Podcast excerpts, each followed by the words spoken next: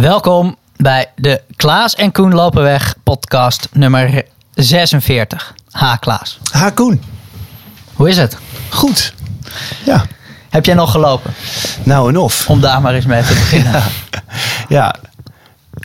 Na de Amsterdam Marathon, eh kijken, we zaten natuurlijk dinsdag. Ja. Ben ik het weer eh, langzaam opgepakt. Ik heb inderdaad zo ongeveer een week niet gelopen. Is het gelukt? Het is gelukt. Het eerste loopje was eh, eh, bij mijn boekpresentatie. Die we vanuit Sportrust eh, op het clubhuis deden. En die we afsloten met een heerlijk loopje van 6 kilometer. In lenteachtig, lenteachtig weer. En, dus, maar, en daarna ben ik het weer een beetje aan het oppakken. En afgelopen weekend, zondag, heb ik eh, de On-Running Duinentrail gelopen. Met start in Hargen aan Zee. Dat is vlakbij Schorel. En eh, daar door het duingebied heen. En eh, dat viel niks mee. Echt, samen met Nicky, uit, eh Nicky Brouwer uit eh Kaboom eh, loopgroep. En eh, ja, het was echt... Er zat heel veel mul zand in. En jij weet... eh, dat, Ja, specialiteit toch? hoe ik van rennen door mul zand hou. Het, eh, het, het begon er echt om. Je ging meteen een eh, duin, eh, een, eh, duin, een duinovergang. Vanaf, de, vanaf een parkeerplaats ging je over. En ik denk, zonder overdrijven, dat de eerste twee kilometer gewoon alleen maar mul zand eh, waren. Maar ja, dan kun je er nog om lachen. Maar na 28 kilometer, toen we weer op zo'n strook terecht kwamen, toen eh, waren mijn benen echt klaar ermee. Maar het, was, het was wel echt prachtig. Het gebied is super mooi en heel afwisselend. Is, eh, Ik geloof eh, iets van 600 eh, hoogtemeters erin. Dus het was, ja, was te gek. Het, ja, het was, ik was er op uitnodiging van On. En die hadden ook een startnummer voor Nicky. Dus dat was heel tof. En eh, ja, de mensen van Mud, Sweat en Trails kun je het wel aan overlaten om een eh, hele mooie route uit te zetten. Ja. Dus dat was, eh, dat was wel echt een, echt een mooie, mooie belevenis. Dus er zit weer drie uur, 1, 41 minuten training in die benen. ja. Echt. Oh. Elke keer denk ik weer, ja, het is wel echt een andere sport. En eh, als ik dit vaker wil doen, moet ik, moet ik echt heuvel trainen. En, eh, en af en toe misschien over dat ruiterpad in het eh, Amsterdamse bos gaan rennen. Mulzandtraining. Dus ja, nee, ik ben weer aan de gang. En ik zie bij jou indrukwekkende eh tempoblokken voorbij komen. Gaat lekker?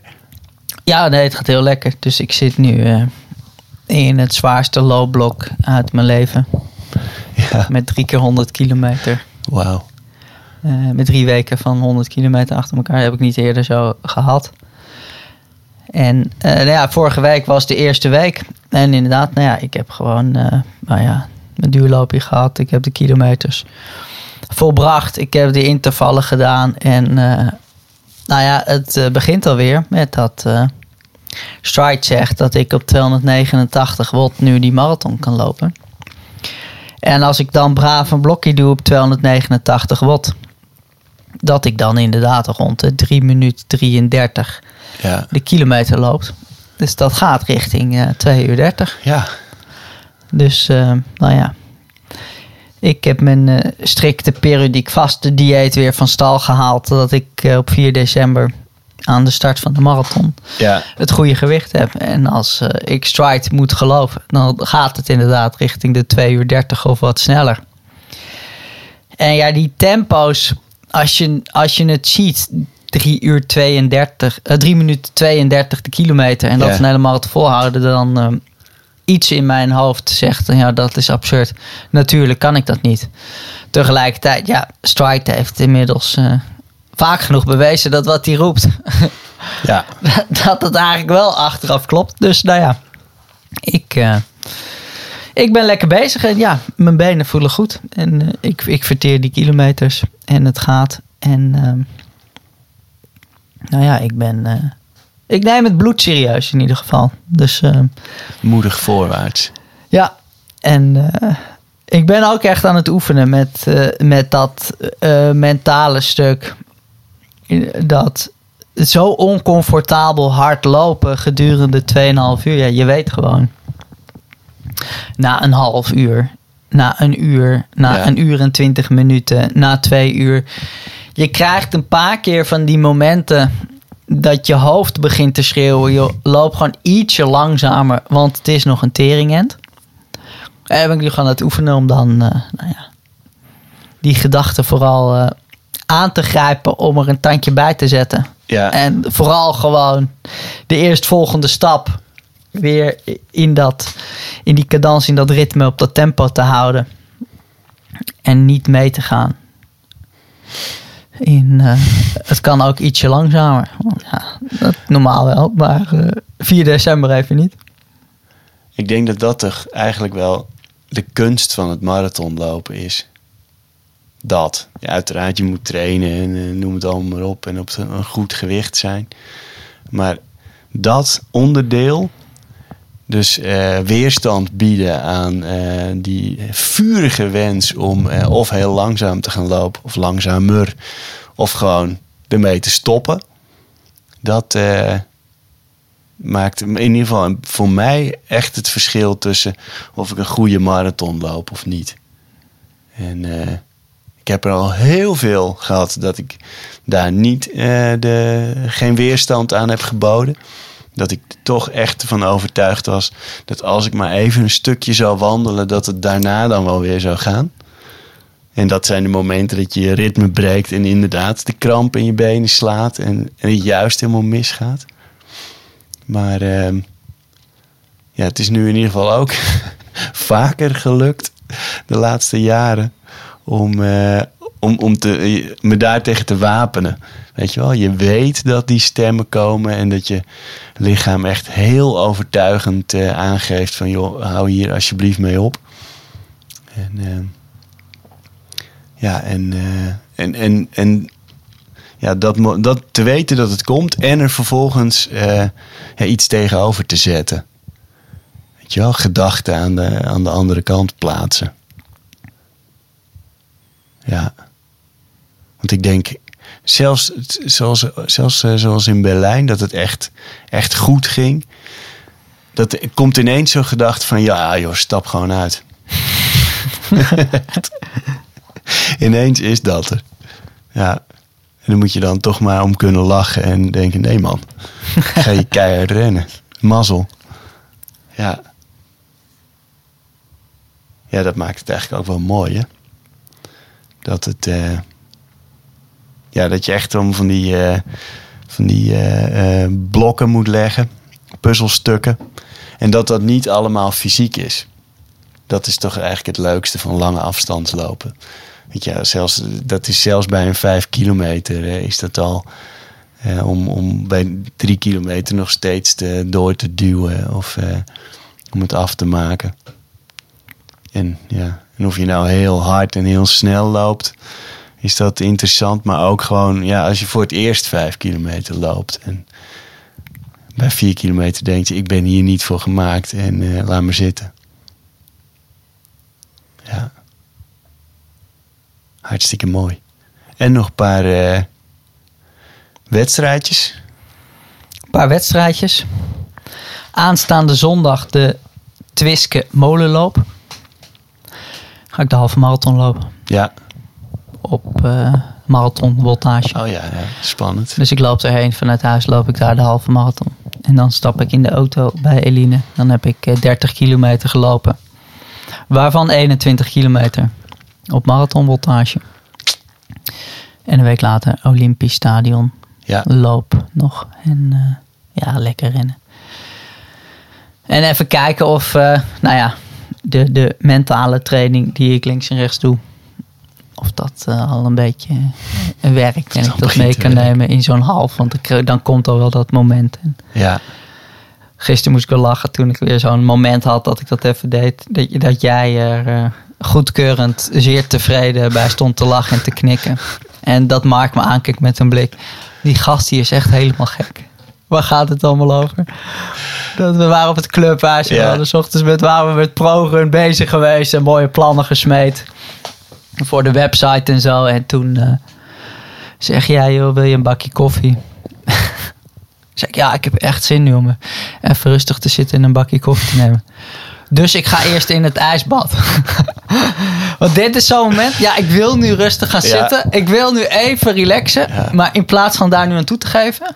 Eerst even de discomfort opzoeken. Dus in plaats van toen gewoon, nou ja, Ja. midden op de dag een bakje koffie te nemen. Na zo'n ochtend plannen smeden en dingen. Eerst even zeggen, oké. we hebben een ijsbad staan op het clubhuis. Even twee minuten in dat ijsbad. Zeer oncomfortabel. Moet je even doorheen rusten. En dan Ja. en, nou, en het grappige is ook dat je, als je daar een bepaalde luchtigheid in hebt en het ook kunt omarmen, dat het, ja, er is weerstand, ja, het is heftig, zo'n Ja. ijsbad, maar heel snel eh, kom je er ook doorheen en dat je al in die discomfort op een gegeven moment voelt, of dat al iets van voldoening het overneemt, of de beloning, dat die beloning al komt in het moment dat je dat doet. En dat is natuurlijk bij Ja. de eerste keer is dat nooit zo. Maar ja, dat gevoel, ja, dat hoop ik heel erg te oefenen. En dan ook in dat lopen mee te nemen. Dat als je op een gegeven moment gewoon denkt, ja goed, dit, dit doet zeer, of dit gaat te hard, of ik ben moe. Even niet. En je duwt er doorheen. Dat je heel snel, ook al in je lijf voelt, dat je een voorschot neemt op beloning of voldoening of wat daarna komt. En als je dat mee kunt voelen in die discomfort, ja, dan is het echt een interessant krachtenspel en Ja. echt mooi om, om te ervaren. En ja, het is voor een deel natuurlijk ook ongrijpbaar, maar het is voor een deel ook gewoon praktisch en, en mooi. En ja, Ja, je kunt, je kunt, dat kun je ook trainen, denk ik. Met uitgestelde behoeftebevrediging. Een, onderges, een, eh, een, een weinig besproken trainingsonderdeel. maar ik denk wel degelijk, ja, met dit soort dingen kun je doen. En eh, je kunt het ook heel bewust doen in intervaltrainingen bijvoorbeeld. Dat je misschien ook wel eens de neiging hebt van nou deze doe ik iets langzamer of in de laatste 100 meter het tempo laten zakken. Maar elke keer op die momenten even denken, oh nee, nee, nee, nee, nee. Ik moet hier nog even. En jezelf ook vertellen dat, eh, dat dat uitmaakt en dat dat jou straks gaat helpen tijdens die marathon of die 10 kilometer of eh, wanneer je het nodig hebt. Ja. Ja. Mooi. En ook, het, wat voor mij ook toch wel mee werkt de hele tijd, is dat je zo omringd bent met mensen die daar de lol van inzien en daarin Ja. meegaan. En ik bedoel, zo maandag, als, je, als wij dan samen op, aan het werk zijn, of nou ja, dingen, al is het maar even kort, en als maar vluchtig, en al praat je er helemaal niet echt over, het is toch de hele tijd wel gewoon ja, in het vizier en Ja. in het systeem. En, en ik moet zeggen dat ehm, voor mij heeft het toch ook wel weer een lading erbij gekregen met jou na die eh, 22 oktober op het clubhuis. Want ik ken natuurlijk jouw verhaal van Ren voor je leven. Ja. En ja, je was verslaafd. Eh, ja, je bent afgekikt. Ja, je hebt rennen omarmd als een manier. Maar toen ik jou dat zo hoorde voorlezen in dat groepie, waar je ouders bij waren, ik vond het wel een hele intense setting en een echte bijzondere middag. Dat je denkt, ja, wat doen we nou eigenlijk? Klaas leest voor uit zijn boek dat ik al lang ken. Eh, ja, we zitten hier met, met een klein groepje van een half, acht, negen, tien. Maar Ja. doordat jouw ouders daar waren en doordat er die andere mensen er ook waren die echt, nou ja, waarvan sommigen duidelijk nog in een verslaving zaten. En dachten van ja, ik heb inspiratie nodig of ik, eh, ik wil wat manieren om te kijken. Of een voorbeeld bekijken die eruit is gekomen. En nou ja, het, het was een gekke mengelmoes van van alles. Maar vooral jouw moeder, die Ja. dan zo naast jou zat en jij aan het voorlezen was. En Het was echt wel... Ja, dat vond ik ook Bijzonder, best wel... eh, best wel eh, nou, heftig is niet het goede woord. Maar wel... ehm, ja, je- ik was me ineens veel meer bewust van wat ik eigenlijk aan het lezen was. En daar had ik van tevoren niet zo bij stilgestaan. Omdat, ja, weet je, zij kennen mijn verhaal. En eh, dat, dat is in de loop van de afgelopen jaren... eh, komen er wel eens fragmenten voorbij. Of heb je het wel eens ergens over.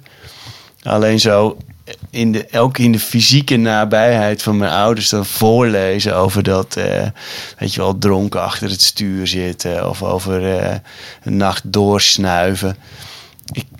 Ja, ik heb, dat, daar heb ik al zo vaak over verteld dat het eh, niet meer altijd tot me doordringt eh, wat ik, eh, hoe, hoe heftig het is.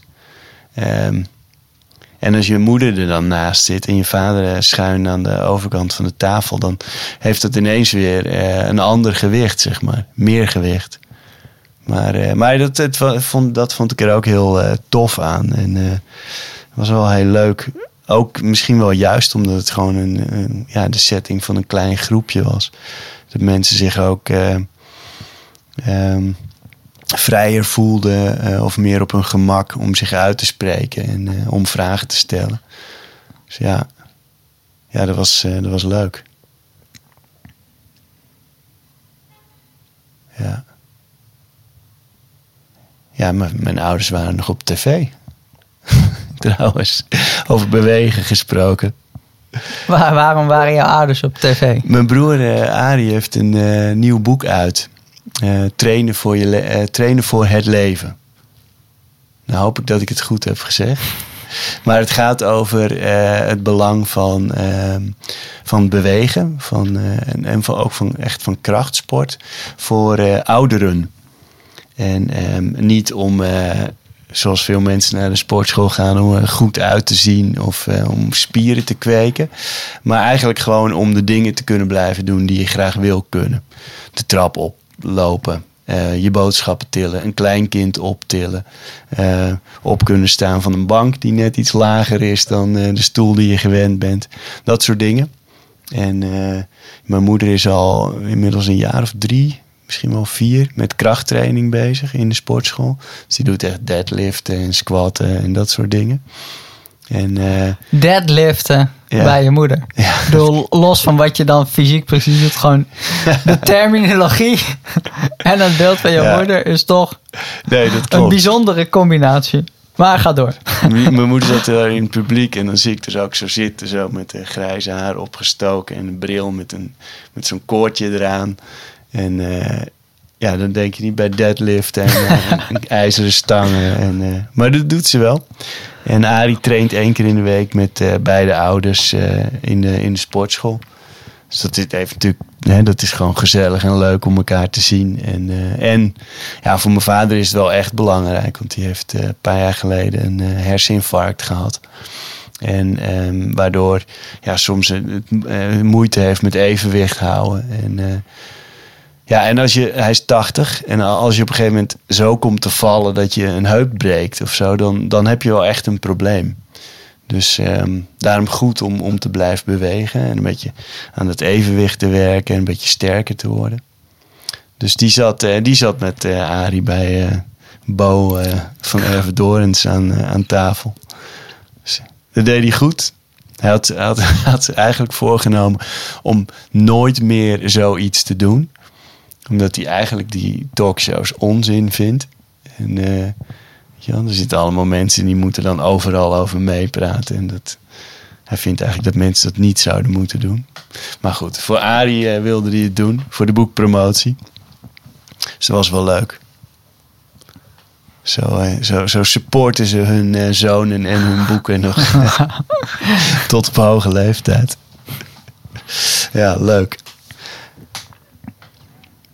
Loop jij nog ergens de komende week? Ehm, ja, ik ga de, de eh Zevenheuvelenloop ga ik doen. Ah, Dat wordt trouwens een interessante voor Stride. ja.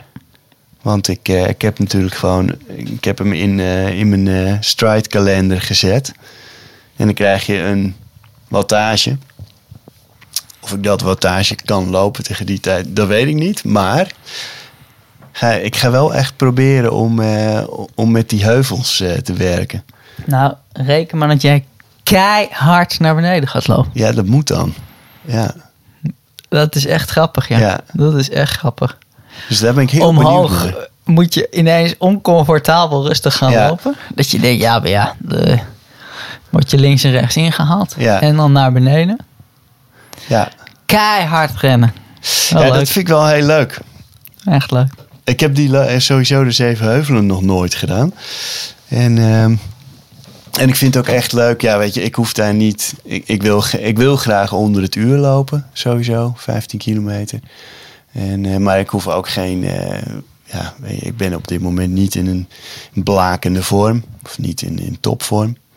Maar ehm, da- dan vind ik het juist extra leuk om dat experiment Ja, aan te gaan. leuk. En eh, ja, echt op, die, eh, op dat wattage te lopen. Dat was ooit, we hebben hem laatst gesproken, Ramon Siljade. De eerste die ik kende die met Stride liep. En die vertelde mij toen over dat hij, eh, dat hij de Zeven Heuvelen had eh, gedaan. En die had toen echt wel goed gelopen. En, eh, dus dat, dat, daar, was mijn interesse in Stride enigszins gewekt. Ja, ik was er toen heel enthousiast over. Dus we gaan met, met een aantal mensen van Kaboom gaan we er naartoe. Flip en eh, Flip op zijn blades. Kijken hoe hard die naar beneden gaat. Nicky en Hester. Nou, vast nog wel wat. Dus dat. En eh, verder eh, beginnen zo heel langzaam. Beginnen wel weer voorjaarsplannen te ontstaan. En ik merk het nu ook. ja, mensen gaan wel allemaal weer een beetje vooruit kijken. Ook naar, eh, naar de wedstrijden in het voorjaar. CPC, de Stevensloop. En de Rotterdam Marathon. Is dat in jouw loopgroep altijd zo geweest dat dat zo snel op elkaar ging? Of is dat nu ook het moment dat het, elkaar nu- allemaal het erg wel aansteekt sneller, en zo? ja. Want Er zit, er zit eh, tussen de laatste eh, Amsterdam Marathon en dat mensen toch alweer aan een voorjaarsmarathon beginnen te denken. In, ik, volgens mij is dit wel het kortste eh, wat ik heb meegemaakt. En eh, ja, dus dat weet je, als er zo'n heel blok gewoon euforisch eh, mooie marathonervaring heeft gehad, ja, dan zijn er toch een aantal die denken van hé, hey, dit wil ik ook. Of, of wil het nog een keer. Of dit keer wil ik een stuk harder en kijken hoe ver ik kan komen. Dus eh, ja. ja, dat is wel heel leuk. Ja. Maar goed. Eerst even eh, de winter door. En jij hebt eh 4 december nog staan. Dat is voor mij ook zo'n beetje. Dat is eigenlijk 4 december. jij, Squad Kaboom betreft de afsluiting. 11 december is, heb ik nog twee, ja, twee lopers die met mijn schema's trainen in Malaga. En dan eh, kan er als een beetje een, een, een strik om mijn trainersjaar. ja, ja, het komt nu echt in de buurt. ja, het gaat snel. Het is november. Ja, echt. Dit weekend eh, New York. Ah ja, dat hebben we ook nog natuurlijk. Ja. Ken jij iemand die daar loopt? Nina, Nijland. Ja, ik ken wel meer mensen die lopen, maar Nina die eh, traint met, eh, met mijn schema. Oh. Dus die, die, ja, die gaat daar lopen. En dat is altijd... Ja, schema's maken is sowieso al een theoretische bezigheid. Maar voor New York geldt dat misschien wel extra. Omdat dat parcours gewoon ja, best wel op en neer gaat. En, ehm, en het toch wel lastig is om dat in, eh, in Amsterdam eh, na te bootsen in training. Dus eh, ja, de een verteert dat beter dan de ander. Maar ja, altijd wel heel benieuwd op Wat dag. denk ik met wat bij mij met New York was en wat ik me voor kan stellen dat een heleboel lopers dat hebben, is dat het eigenlijk onmogelijk is om je de twee dagen ervoor gedijst te houden. Ja.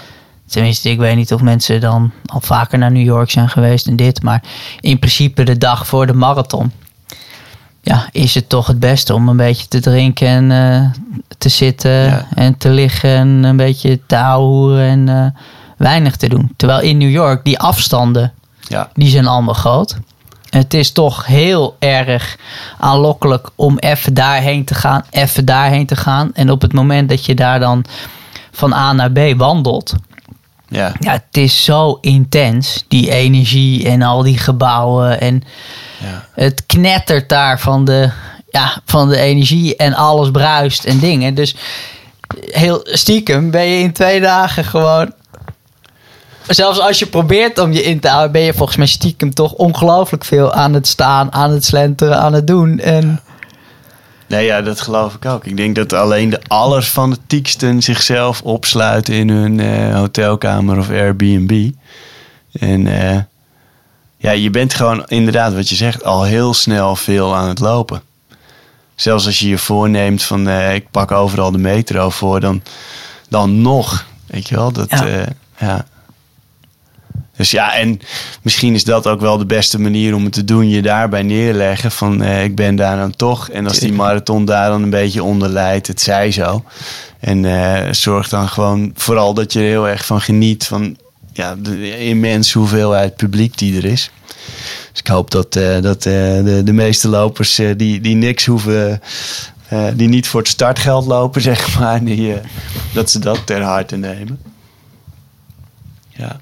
Abdi Nageye gaat lopen daar. Ah, voor een top 10 dan? Voor een podium?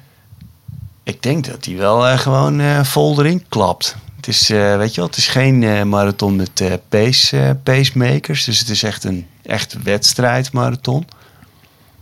Dus ik hoop dat, hij, dat hij zich lekker in de strijd mengt en er vol voor gaat. En enig idee wat dan de reden is? Hoe beslist een marathonloper eigenlijk welke die doet? Is dat geld gedreven wie het meeste betaalt als startgeld? Is dat gewoon ook lol van hé, hey, die grote heb ik nog niet gehad, een ding? Of beslist een loper dat zelf? Of een management die dan afspraken heeft met joh, jullie renstal ja. moet toch wel niks aantal lopers leveren daar? Of? Ik denk dat dat een hele belangrijke is inderdaad tussen het management en de wedstrijdorganisatie. Die zeggen gewoon tegen Jos Hermers uh, van... Uh, ik wil graag zoveel man hebben, zoveel 2-4 guys, 2-5 guys. En, um, en lopers die het daar eerder goed hebben gedaan. Ik denk dat, zoals een Abdi Nageye wel best wel wat zelf daarover te zeggen heeft. Die heeft eerder New York gelopen. Dus die, die weet waarschijnlijk of, of dat parcours hem wel of niet ligt. Maar volgens mij is dat echt wel een, een vak, vak apart. Die samenstelling van zo'n wedstrijd, uh, wedstrijdveld. Ja. Het lijkt mij wel moeilijk als topper. Want dan denk je toch ook van... Oh, ik zou het Nederlands kampioenschap wel willen lopen. Dan ben ik weer even terug in Nederland. Ja. Dat is leuk. Oh, maar Berlijn is ook leuk, want dan Kipchoge, mijn vriend en trainingsmaatje, gaat daar uh, voor een wereldrecord. Wel leuk om daarbij te zijn. Ja. Oh, New York is ook tof, Londen is tof. Het, het lijkt me best moeilijk. Ja. Omdat je maar zo weinig kan lopen eigenlijk. Ja, dat, Welke kies je dan? Helemaal, absoluut. Ja. Nee, dat, uh, ja, het lijkt me helemaal niet leuk, eerlijk gezegd. Ja, als je, als je maar twee wedstrijden per jaar, uh, zoals Kipchoge, weet je wel, die loopt twee wedstrijden, that's it. Ja, echt een andere tak van sport. Ja. Goed, even iets heel anders. Vorige keer werden we aangesproken op het feit dat de boekenrubriek was verdwenen Ja. uit de podcast, dat het jammer was. Toen hebben we het even over boeken gehad. Eh, nu kwam jij. Ik heb een boekentip. Ja, Dan ben ik nu benieuwd wat jouw boekentip is. mijn boekentip kwam door, no- notabene door een trailer van een film die ik zag. En eh, er is een nieuwe, eh, een- ik denk dat het een remake is, want er is ooit al eens in een ver verleden een film van gemaakt. Im Westen niets Neues van Erich Maria Remarque, Duitse schrijver. Het boek gaat over de Eerste Wereldoorlog, over de strijd aan het Westfront. Die totale, idiote, nutteloze eh, bende die het daar was. Waar ze de ene week de, de, de geallieerden 400 meter eh, op konden schuiven. En de volgende week besloten de Duitsers om er nog eens een mannetje of 80.000 aan op te offeren. Om 400 meter weer terug eh, te gaan. En ehm, ik zag dat die, die film, eh, eh, nou die, die is net in première of die komt eraan. En ehm, toen dacht ik, nee, mensen moeten eerst dat boek lezen. Ik heb dat eh, als, als tiener ooit gelezen. En dat maakte zo ontzettend veel indruk. En ook vooral dat ik, me, dat ik het, het helemaal voor me zag. Dus eh, hoe knap die man dat heeft, eh, heeft weergegeven. Dat je zowel die, dat visuele van, eh, van dat, dat slagveld en het leven in die, in die greppels allemaal ziet de ontwikkeling van die hoofdpersoon, die net als al die jonge Duitse en Britse en Franse gasten, joh, die gingen allemaal fluitend en met, met bloemen in hun eh, knoopsgat, eh, wandelden ze naar het front. En die kwamen daar in, de, in een afgrijzelijke hel terecht. Om voor mij nog steeds onverklaarbare redenen. Weet je wel, gewoon een, een machtsspelletje tussen een paar uh, uh, adellijke heren. En, ehm, en hoe, hoe zich dat ontwikkelt. En hoe die gast uh, zeg maar worstelt om zijn menselijkheid te bewaren. In, in, tussen, tussen al die gekte en die waanzin en dat geweld. Ja, een heel indrukwekkend boek, vond ik. En, en ook, uh, weet je wel, dat ik het nu ook zo actueel vind, omdat het ook gewoon weer ja, in, in Oekraïne uh, het zo ontzettend. Uh, ja, ook weer dat je denkt van waarom? Weet je wel, waarom is dit aan het gebeuren? En mensen moeten zo nodig macht hebben en hun positie bevechten. En, en we zijn in al die eeuwen evolutie blijkbaar niet verder gekomen dan uh, dat je dat moet, voor elkaar moet krijgen met bommen op elkaar gooien. Het blijft toch aan de ene kant moedeloos, om moedeloos van te worden. En, uh, ja. en ergens moet je toch maar vast aan vasthouden dat uiteindelijk het goede overwint en dat er misschien ooit wel eens vrede zal zijn. Maar goed, ga voordat je die film kijkt, in Westen niets noois. Niet, niks, niets nieuws aan het Westfront heet hij, geloof ik. Jij hebt het in het Nederlands gelezen? Ik heb hem in Duits gelezen, heel braaf. ja. Ja. En la, ik, heb hem, ik heb hem ook nog wel eens teruggelezen. Dat doe ik niet vaak met boeken, maar deze wel. In mijn studententijd nog een keer. Toen ik helemaal niks meer met Duits hoefde. Het is ook een mooie taal, toch? Ja, ik zal hem eens... Uh, heb je hem hier staan of niet? Ik zit even in je boekenkast te kijken.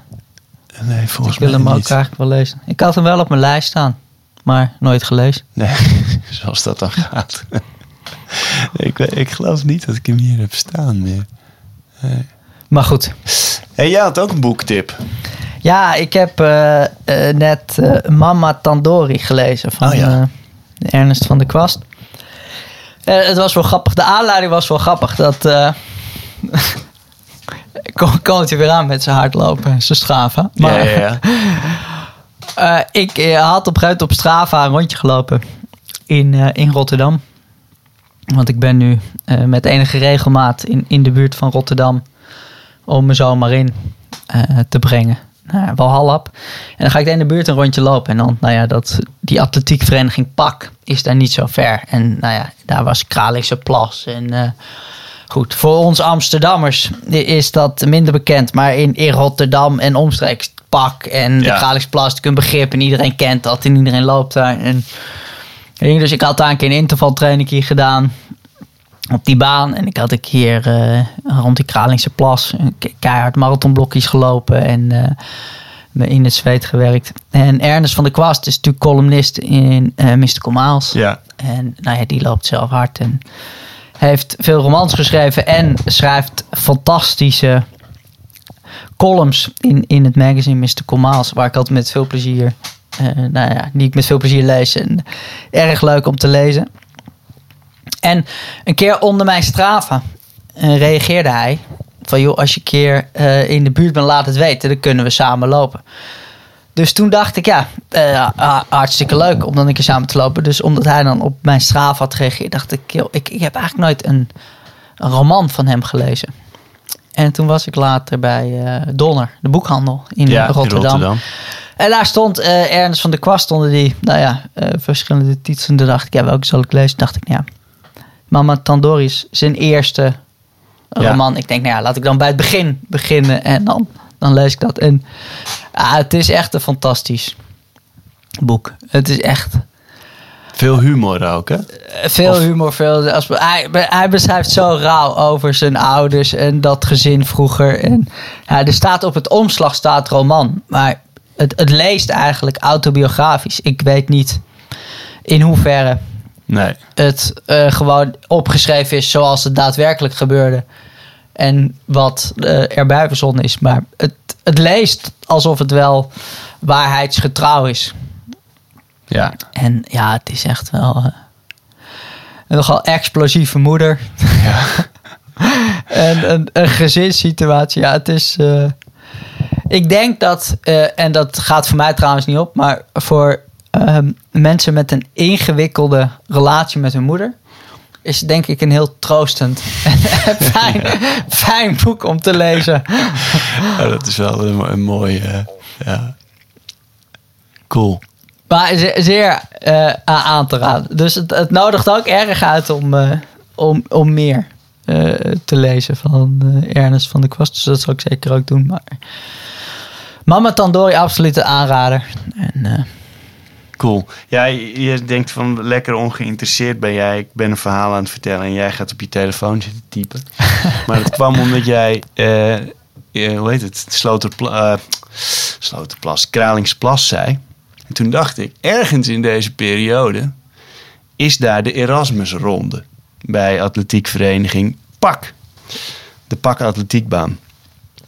Die heb ik ooit eens gelopen in mijn... eh, Toen je alle provincies- Alle provincies ah, deed. En toen liep ik daar een 15 kilometer. Eh, oh nee, het is, het is van EUR Rotterdam. EU Rotterdam Roadrunners. Dus dat is volgens mij is dat eh, de, de studentenatletiekvereniging.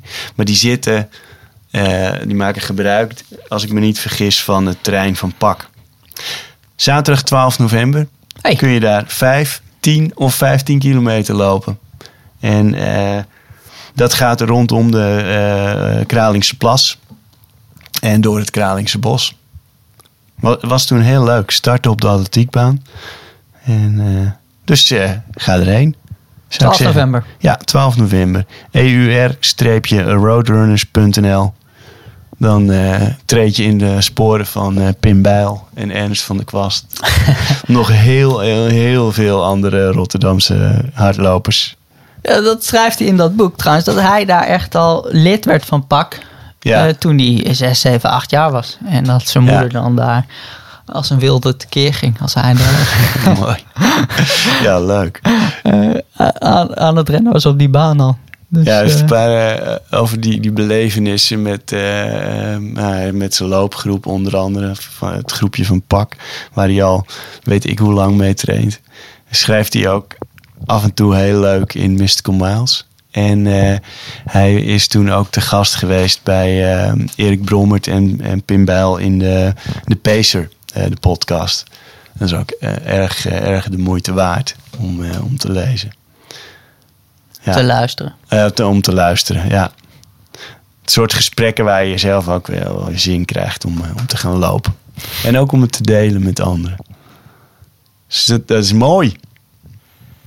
Dus eh, we hebben weer een volwaardige boekenrubriek hadden we erin, eh, Koen. Laten we die erin houden. Mooi. Over twee weken. Jo, ik ben nu net begonnen aan eh, een boek over King heet het. Over die Feyenoorder Gian. Ja, Christian Gian, ja. En die Michel van Egmond. Oh, die heeft... Die ja. heeft er een, een heel dun boekje over geschreven.